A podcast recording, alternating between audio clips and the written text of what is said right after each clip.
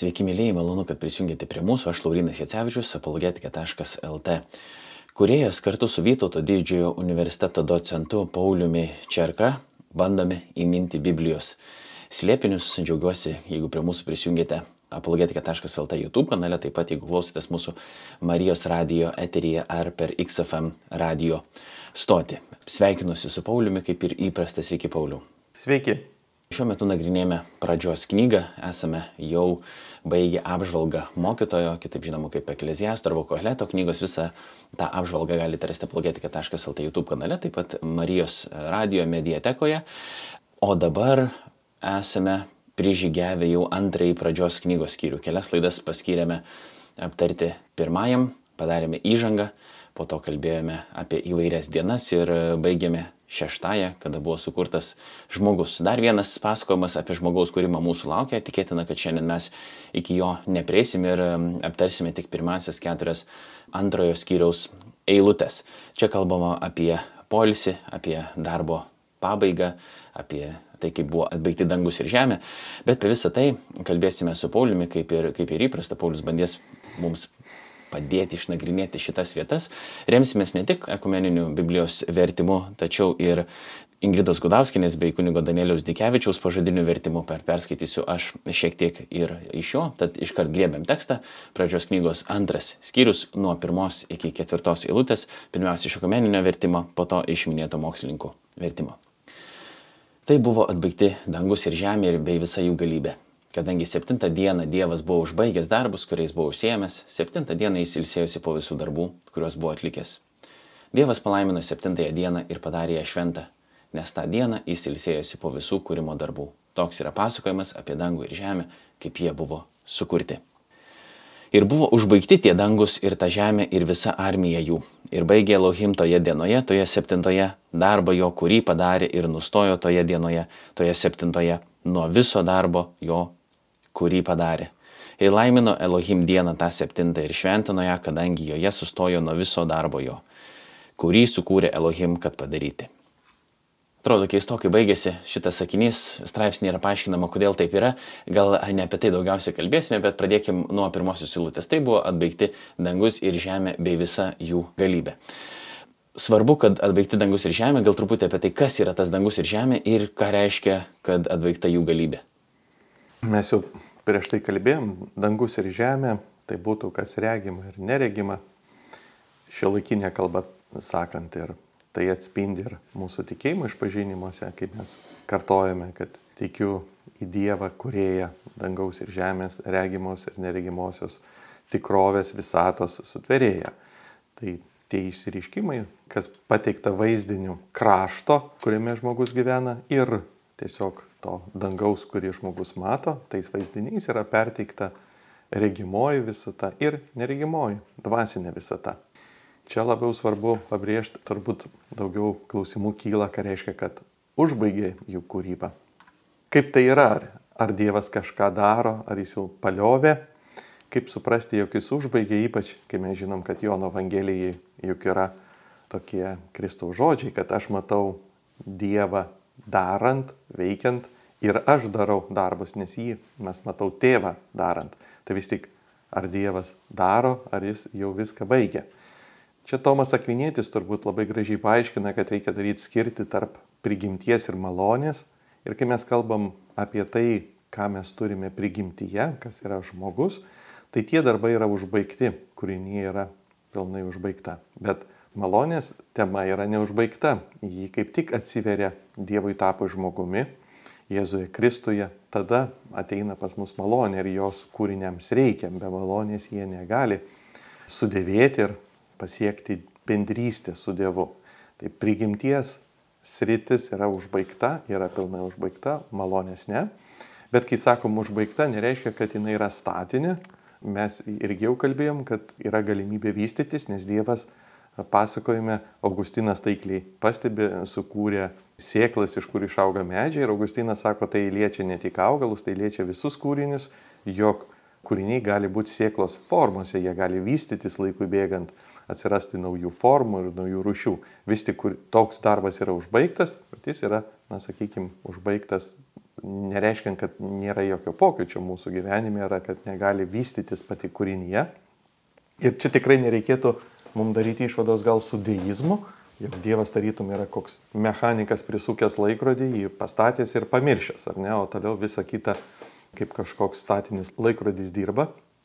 Atvirkščiai, šiandien mes turbūt labiau žiūrėtume į visą gamtą kaip į kažką gyvą, ne kaip kažką mechaniško prisuktą ir veikiančio, bet kaip gyvą alsuojantį organizmą, kurį tu gali pažeisti ir priešingai, kuris gali būti tarytum sveikas ir, ir, ir, ir veikiantis.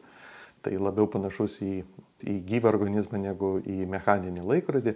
Bet Dievas, kai sakome, kad užbaigė kūrimo darbą, nereiškia, kad jis pamiršo ir kad tas kūrimo darbas yra praeitie. Mes jau kalbėjom pirmose laidose, kad kūrimo darbas yra santykis tarp kūrėjo ir kūrinio. Jis nėra praeitie, jis yra amžino Dievo kūrimo akto padarinys ir dėl to jis yra nuolatinis, kuriejas palaiko kūrinį, kad mes nesuyyrama, mes vis dar esame virš tos bedugnės palaikomi. Todėl Dievo apvaizda nepaliauja palaikyti Dievo kūrybos ir, tai, ir tuo atžvilgiu niekas nėra pasibaigę, priešingai mes esame globojami Dievo. Čia tokie aspektai to pasibaigimo ir nepasibaigimo, srities prigimties ir malonės, apvaizdos ir kūrimo akto, kuris vėlgi nėra praeities aktas, o yra amžinybėje atliktas aktas. Toliau rašoma, kadangi septintą dieną Dievas buvo užbaigęs darbus, kuriais buvo užsiemęs, septintą dieną jis ilsėjosi po visų darbų, kuriuos buvo atlikęs.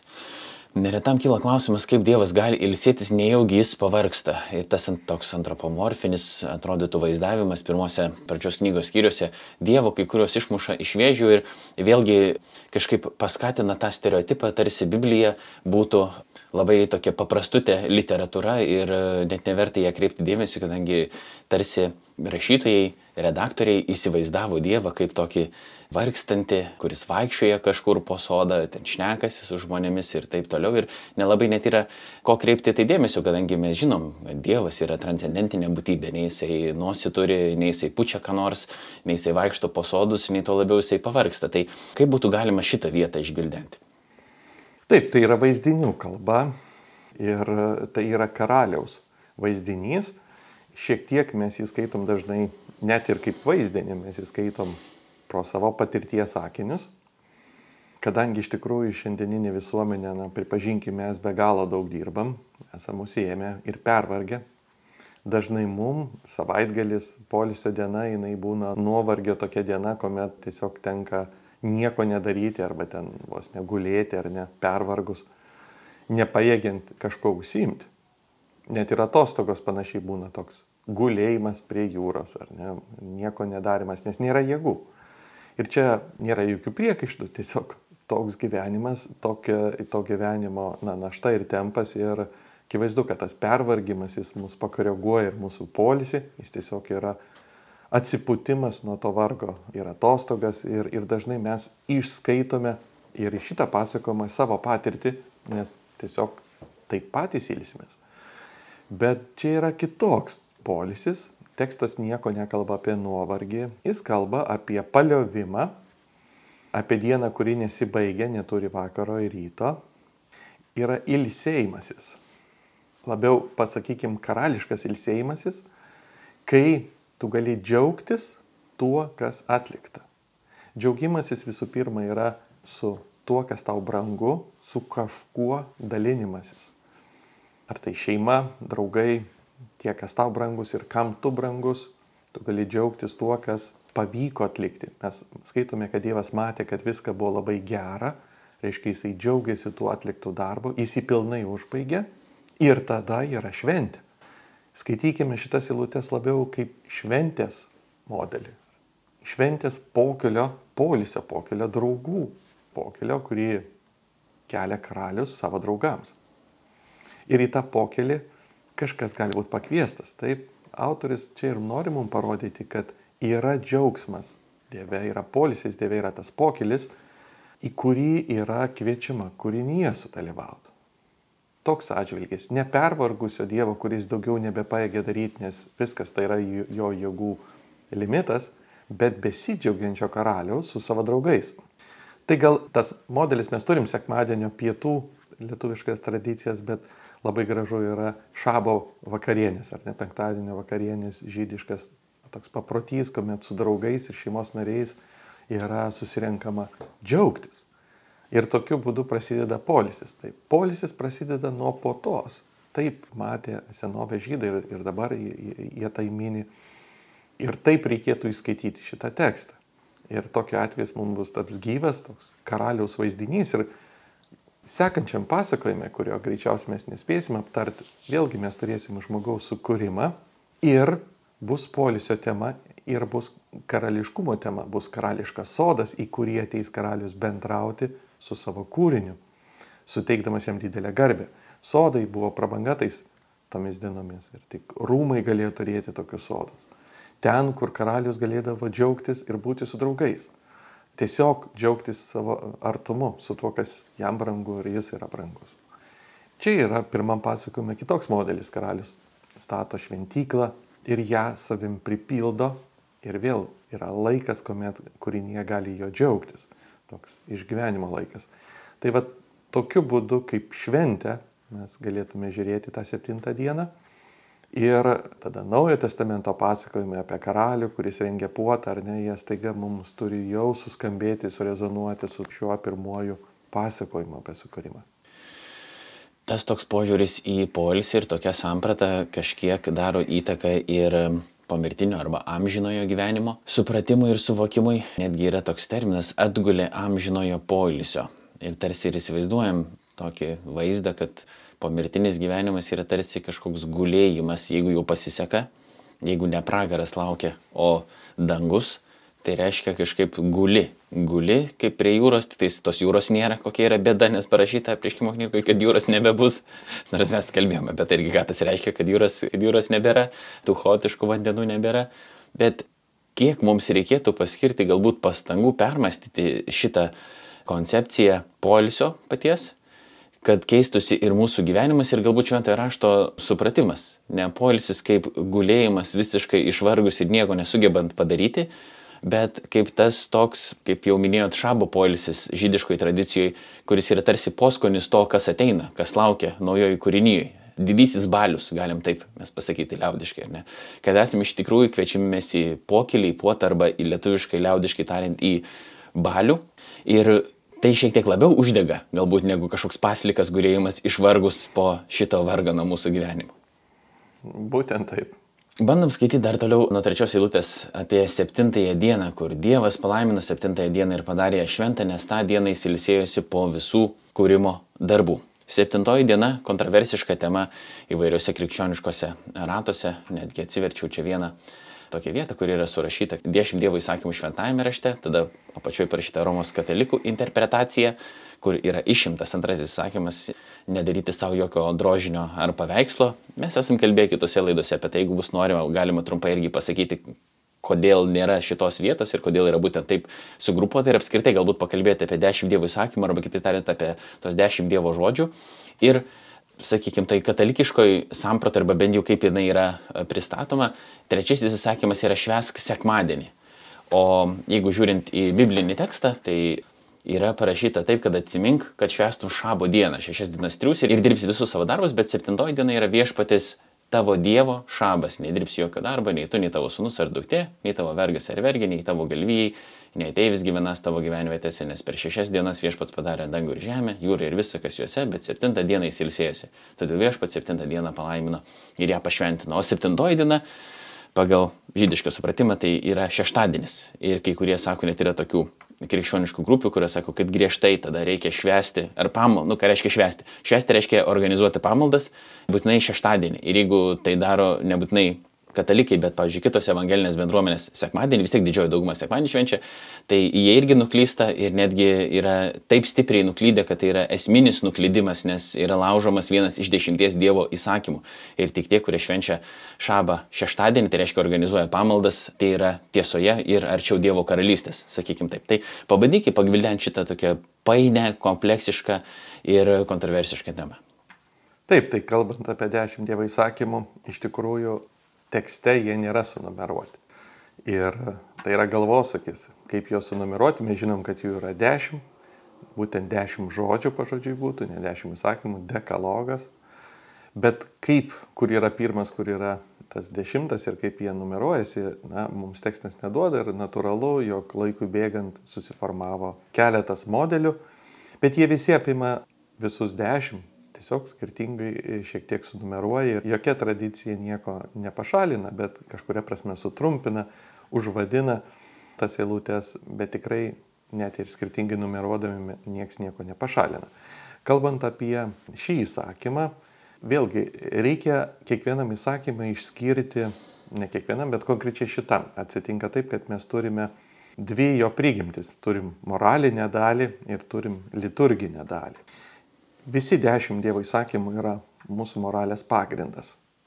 Ir kaip moraliniai įsakymai, jie ir prieš juos duodant moziai, jie ir taip buvo žinomi mūsų sąžinėms.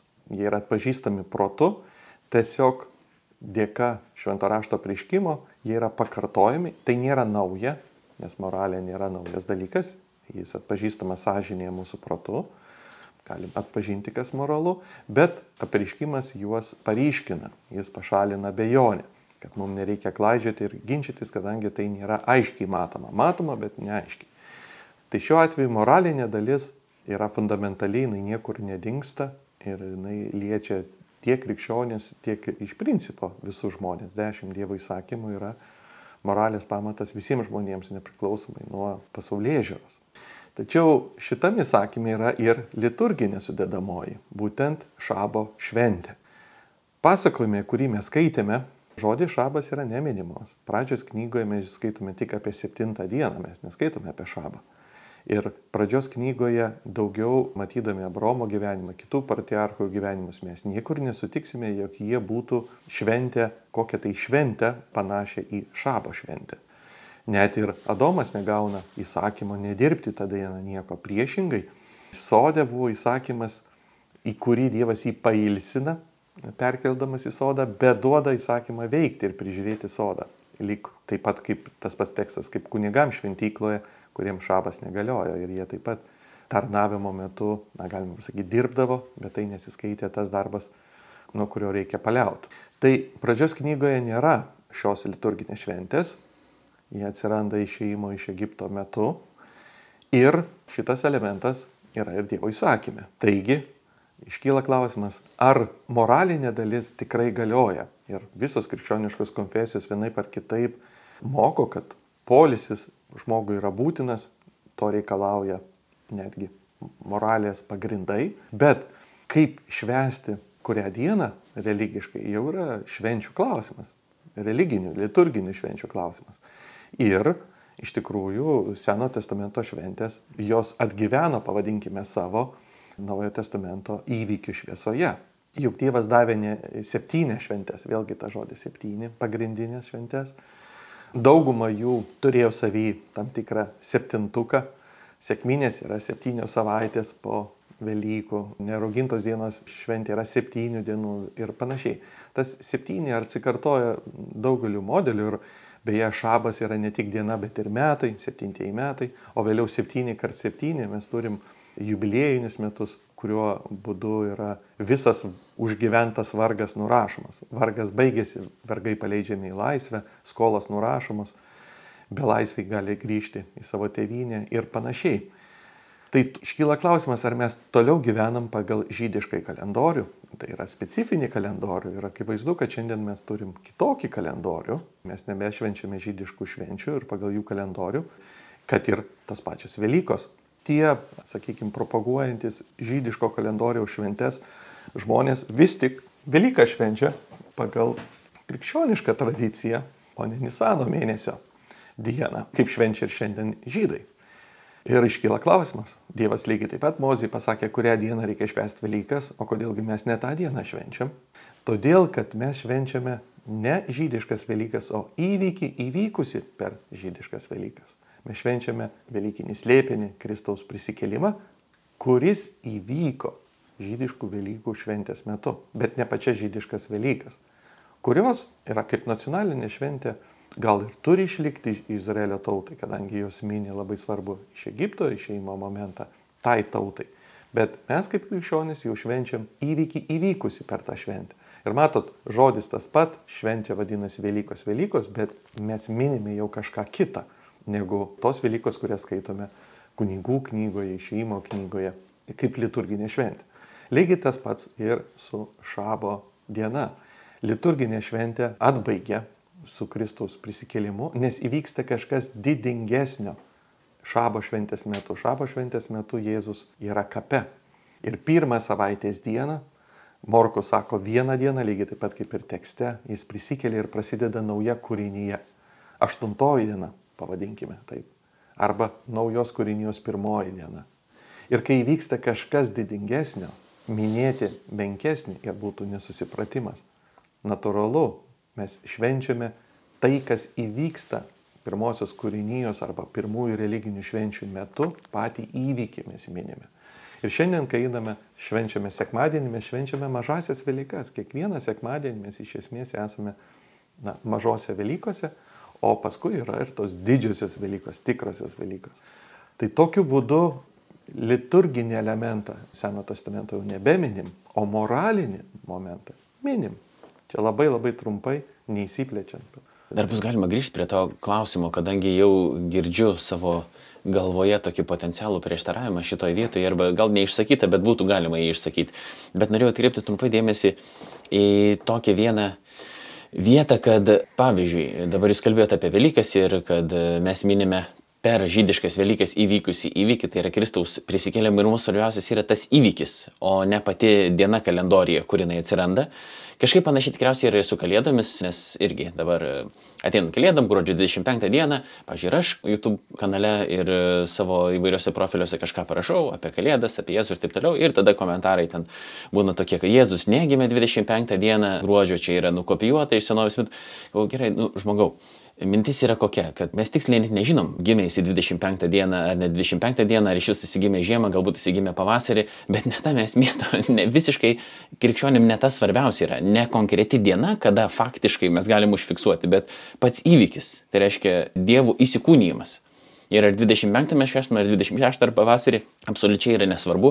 Yra logika tam tikra, kodėl 25 diena atsirado ir kad jinai nėra nukopijuota dar kažkokie dalykai, bet ten logika yra. Bet ar teisinga tada yra sakyti, kad mes šitas visas liturginės šventes, ar tai būtų Kalėdos, ar Velykos, ar netgi kitokios, pavyzdžiui, viešpatės atsimainimas ir taip toliau, mums nėra svarbu tiksliai įsiaiškinti, kurią dieną tai vyko ir sakyti, o, turim dabar dieną, fainai, žinau, kad šiandien tai vyko. Bet iš tikrųjų švęsti tą įvykį nepriklausomai nuo to, ar aš žinau tiksliai, kada kalendoriuje galėčiau užbraukti tą dienelę.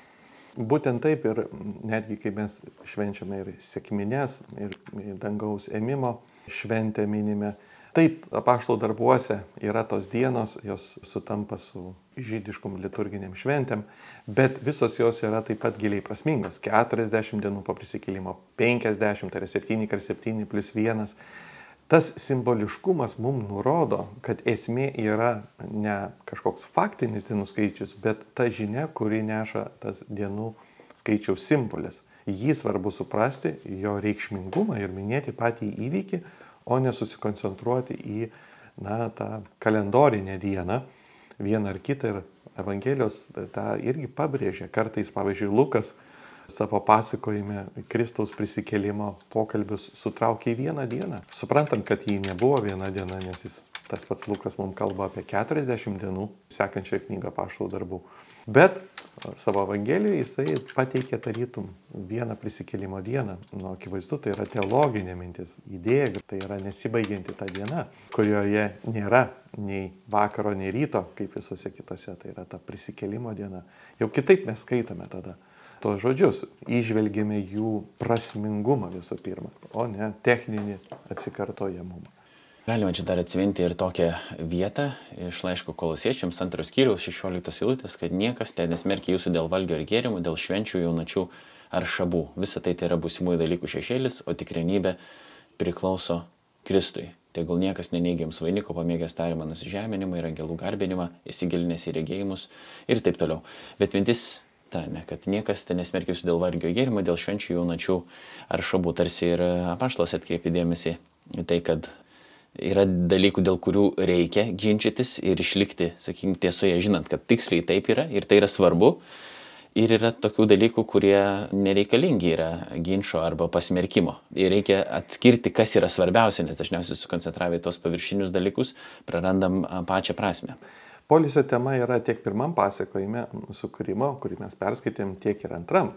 Antram skyriui 15 eilutėj, kuomet mes skaitytume šitą tekstą, jog Dievas perkelė žmogų į Edeno sodą, tam, kad jis įdirbtų ir prižiūrėtų. Tas žodis perkelė yra hebrajiškai būtų vėlgi susijęs su polisiu, hana, tai yra kaip apsistoti nuolatinai, tapti tokiu galutinė savo kelionės vieta, pasilsėti tame taške, ar ne?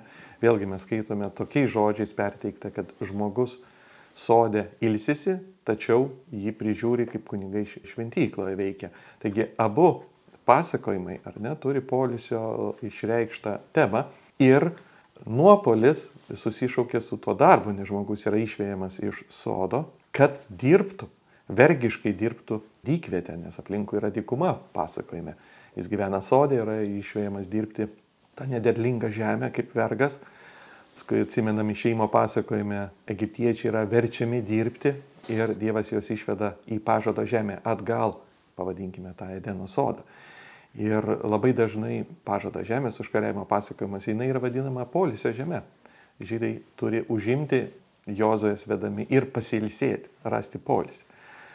Aiškiai ataidi mūsų pirmojo skyriaus ir antrojo skyriaus motyvai - tremtis į vergišką darbą ir vėliau bandymas sugrįžti į tą polisį, iš, iš kurio praradom. Ir aišku, yra jau Naujojo testamento žydams autorius gražiai mums parodo, jog Jozai nepavyko įvykdyti tos misijos ir niekam nepavyko sugrįžti į tą polisį, tol kol mes neišgirstam pirmąjį Jėzaus pamokslą, kaip užrašyta Luko Evangelijoje, kuris pasakytas septintąją dieną, šabo dieną, polisio dieną, jog jis pasakė viešpaties dvasia ant manęs, nes jis patėpė mane skelbti gerosios naujienos vargšams ir jis baigė savo žodžius skelbti maloningų viešpatės metų. Tai yra tų jubiliejinių metų tų šabo šabo metų. Čia kaip tik mes išgirstame, kad jo asmenyje yra galutinis polisis, kurį kiekvienas pervargęs šio gyvenimo vargose gali surasti. Matas mums kalba tuos žinomus turbūt kiekvienam žodžius, kad ateikite pas mane, kurie vargstate ir esate apsunkinti ir aš jūs apgaivinsiu, lietuviškai sakom, bet pažodžiui ir suteiksiu jum polisį. Tai reiškia, mes randame šitame asmenyje tikrą polisį. Jau nebe kalendorinėje dienoje, ne žemėje, ne teritorijoje, jie tik buvo vaizdiniai to, kas jis kaip asmuo yra santykėje su juo. Štai kodėl jau laiško žydams autorius kalba, kad mes galim įeiti, verštis ir kovoti, kad įeiti į tokį polisį, tai yra į santykio su tuo, kuris pats yra polisis buvimą. Kuo mes labiau suaugame su Kristumi, tuo labiau mes esame polisyje. Ir galutinai mes, aišku, jį vilėmės turėti dangaus karalystę, bet ir čia santykiai vystantis mes jau patirėme Dievo polisį. Tokia yra žinia nuo pirmųjų puslapių apie tai, kad žmogus praranda polisį, gaunasi vergiško darbo prakeikimas, nebegalėjimas pačiam sugrįžti ir vėliau pats Dievas atveda žmogų atgal, kaip ir pirmą kartą, tai Dievas jį perkelia į sodą, ne žmogus ateina į sodą, taip ir išganimo istorijai malonę mes surandame polisį asmenyje, kuris suteikia mums polisį. Dar minėjau, kad sugrįšiu prie to oralės ir liturgijos klausimo, kalbant apie šabą. Tai tas prieštaravimas, kurį manau, kad žmonės gali suformuoluoti, yra toks, kadangi parašyta išeimo knygai 20 skyriui nuo 8 eilutės, kad atsimink, kad švestum šabo dieną, šešias dienas triusi ir dirbsi visus savo darbus, bet septintoji diena yra viešpatės, tavo Dievo šabas. Ir būtent tą dieną nedirbsi. Iš kur tas prieštaravimas gali kilti, kad tai nėra vien liturginis klausimas, bet tai yra moralinis klausimas. Kuria prasme, kad Dievas pasako tiksliai, kuri diena yra šabas ir jeigu tu nesutinki su juo, reiškia, tu nusižengi Dievui ir tai jau yra moralinė problema, nebe liturginė problema. Tai ar iš tikrųjų taip ir yra? Tas prieštaravimas legitimus yra, ar vis dėlto Na, jeigu mes gyvenam pagal tą kalendorių ir švenčiam visas mozės šventes, jeigu jas dėrėtų švęsti, o žydams dėrėjo švęsti, taip, tai jų nešventimas būtų moralinė problema. Nesilaikymas švenčių. Šiandien mes turim savas šventes ir jų nešventimas vėlgi yra tam tikra prasme moralinis nusižengimas, jis nėra labai labai didelis lyginant su kitais galbūt, ne, bet jis irgi būtų moralinis pažengimas. Klausimas yra toks, ar vis dar mums galioja žydiškų švenčių kalendorius. Nes čia nėra vienintelė šventė. Žydiško šventės, na, mes turim septynės pagrindinės. Ir aš jau per Velykų pavyzdį iliustravau, kad nepaisant to, kad mes vis dar švenčiam Velykas, mes jau švenčiam kitą dieną. Kodėl? Nes mes ir švenčiam ne visai tą patį įvykį. Žydai šventė savo šventę tik nurodė kažką didesnę tikrovę, kuri vyks, o mes jau švenčiam tikrovę, kuri įvyko kaip krikščionis turiu menį. Ir tokiu būdu diena keičiasi, nes įvykis minimas yra kitas. Lygiai taip pat ir su šabo liturginė švente. Tol, kol žydų tauta gyvena ir šiandien jį turi teisę gyventi pagal savo tradicijas, viskas yra tvarko ir turi minėtis savo šventes, čia nėra problemos. Mes kaip lietuvių tauta irgi turim savo šventes, nepriklausomybės dieną, Mindago koronavimo dieną ir nepriklausomai nuo tikėjimo, pažiūrų, Ir ne visi gyventojai, kurie gyvena mūsų krašte, vienai par kitaip jie nedirba tą dieną ir tam tikrą prasme švenčia kartu su mumis. Čia nėra problemos, jeigu jūs gyvenate Izraelį, problemos švesti šabą kartu su šią tautą. Na, nėra tame problemos, bet Ar tai yra universali šventė visoms tautoms, visoms kultūroms? Ne, niekada taip nebuvo. Mozės įstatymo numatytos šventės niekada nebuvo universalios, joks pranašas jų nepopuliarino už Izraelio bendruomenės sienų. Tai būtent tas specifiškumas, žydiškumas kalendoriaus, ar ne, jisai nėra universalus žmonijai. O moralė, kuri yra įsakymuose, yra universali. Tai dėl to moralinę dalį mes perimam septintą dieną, tikrai mes ilsimės ir va, būtent lietuviškai kultūrai sekmadienis yra mūsų skaičiavime septintoji diena. Ir labai sunku yra kartais paaiškinti, kad na, biblinių skaičiavimų būtent šeštadienis, kas lietuviškai yra šešta diena ar nėra septinta diena. Tok yra painiava. Bet kalendoriai keičiasi. Žmonija turi įvairių kalendorių. Ir, nėra to vieno, mes tiesiog priprantam, mums dažniausiai yra toks suprantamas, bet tas kalendorinis momentas nepersikėlė, jis yra, sakykime, grinai žydiškas, su juo yra viskas gerai, su sąlyga, kad jis netaps universalus visiems žmonėms. Paskutinį tada klausimą norėčiau tokį užduoti, jau laidą einant į pabaigą. Kažkiek siejasi su tuo, bet kadangi žinau, kad žmonėms tai yra įdomu ir svarbu ir vis tiek prie to grįžta, net jeigu tai nėra pagrindinė tema, dažnai yra ties to užstringama. Ir kažkaip susidaro toks įspūdis, kad nors galėtų dažnas sakyti gerai, ne visos žydiškos šventės yra tada privalomos, bet čia nėra vien tik žydiška šventė. Kodėl? Dėl to, kad tai yra tarp dešimt Dievo įsakymų. Ir kažkaip sąmoningai ar nesąmoningai žmonės dažnai išskiria įsakymus čia, dešimt Dievo įsakymų. Jie turi kažkokį kitą svorį šitoj vietai būtent, negu kad kitose vietose šventajame rašte išsakyti įsakymai Dievo. Ir kodėl taip yra? Ir ar iš tikrųjų tada va šitoje vietoje surašyti dešimt Dievo įsakymų, kodėl jie turi tokį didesnį svorį, atrodytų žmonėms ir iš tikrųjų taip turėtų būti? Ne, iš tikrųjų dešimt Dievo įsakymų viena vertus yra bendrėjai moraliniai pagrindai, būdingi ir reikalingi visiems žmonėms. Tokiu atveju čia nesvarbu krikščionis, žydas ar kitos pasaulyje žiūros tikėjimo žmogus, labai dažnai mes galim sutarti, ar ne, tą požiūrį, kad tai, kas yra dešimt Dievo įsakymų, yra žmogui reikalinga. Bet taip sutapo, kad žydiškos šventės ir jų liturginis momentas yra išsiskirstęs po įvairias vietas ir viena vieta yra kaip tik dešimtie Dievo įsakymų ir liturginė šventė. Tai šiuo atveju gal tai šiek tiek klaidina, kad mes turim liturginės šventės momentą aptartą dešimtį Dievo įsakymų, bet kaip ir sakiau, moralinis momentas išlieka. Ir bažnyčia netmeta moralinio aspekto, arba krikščionybė to niekada netmetė, polisio septintą dieną. O kalendoriaus, kuri tai yra septintoji diena, nes galima skaičiuoti pagal menulį, mes turėsime vieną septintą dieną. Nuo tų septintų dienų pats tekstas mums nepasako, kaip, čia vėl yra tradicijos klausimas. Šiandien ginčiamasi, kaip ta septinta diena skaičiuojama, kada yra ta pirma diena.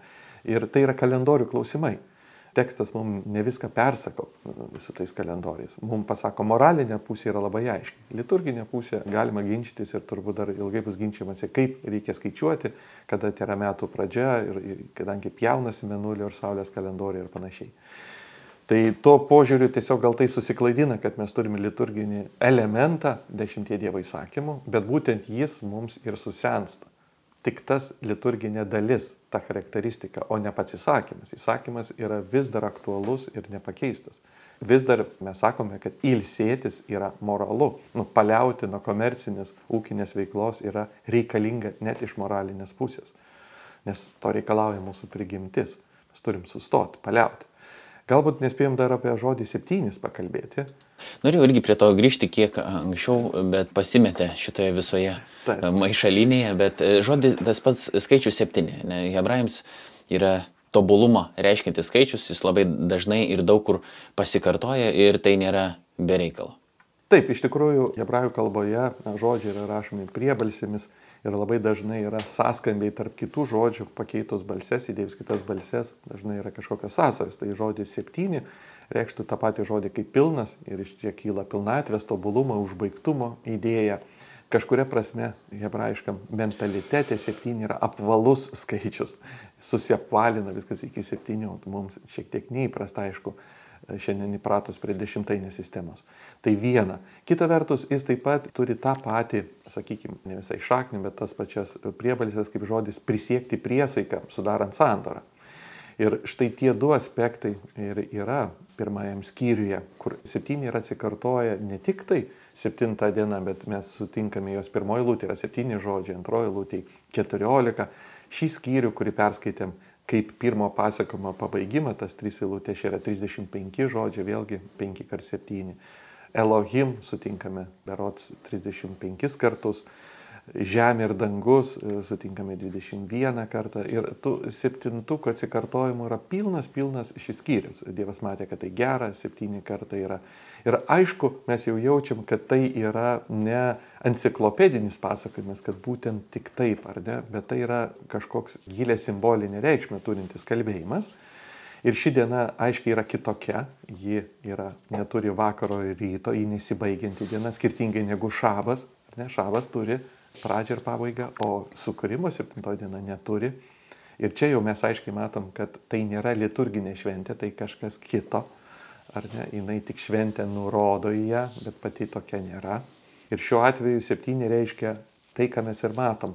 Dievas užbaigia ir siekia sandorinio ryšio su savo kūriniais, ypač žmogumi, kviesdamas į pokelį. Štai koks yra tų septyneto reikšmė, sandaros reikšmė, santykio ir to šventės reikšmė, to polisio, kuris yra džiaugsmas. Ačiū Pauliu, ačiū visiems, kurie buvote, esate ir viliuosi dar būsite kartu su mumis, jei ką nors esate praleidę. Beveik viską galite rasti apologetika.lt YouTube kanale, kadangi Marijos radio laidos pasirodo anksčiau negu yra įkeliamos į apologetika.lt YouTube kanalą, bet kokiu atveju raginu ten užsukti ir jį užsiprenumeruoti. Dėkoju Marijos radio klausytojams, primenu, kad klausotės laidos Biblijos slėpiniai su Vytauto didžiojo universiteto docentu Pauliumi Čerka ir manimi Laurinu Jacevičiumi, apologetika.lt kuriejų. Atsisveikinu su jumis visais. Sudė.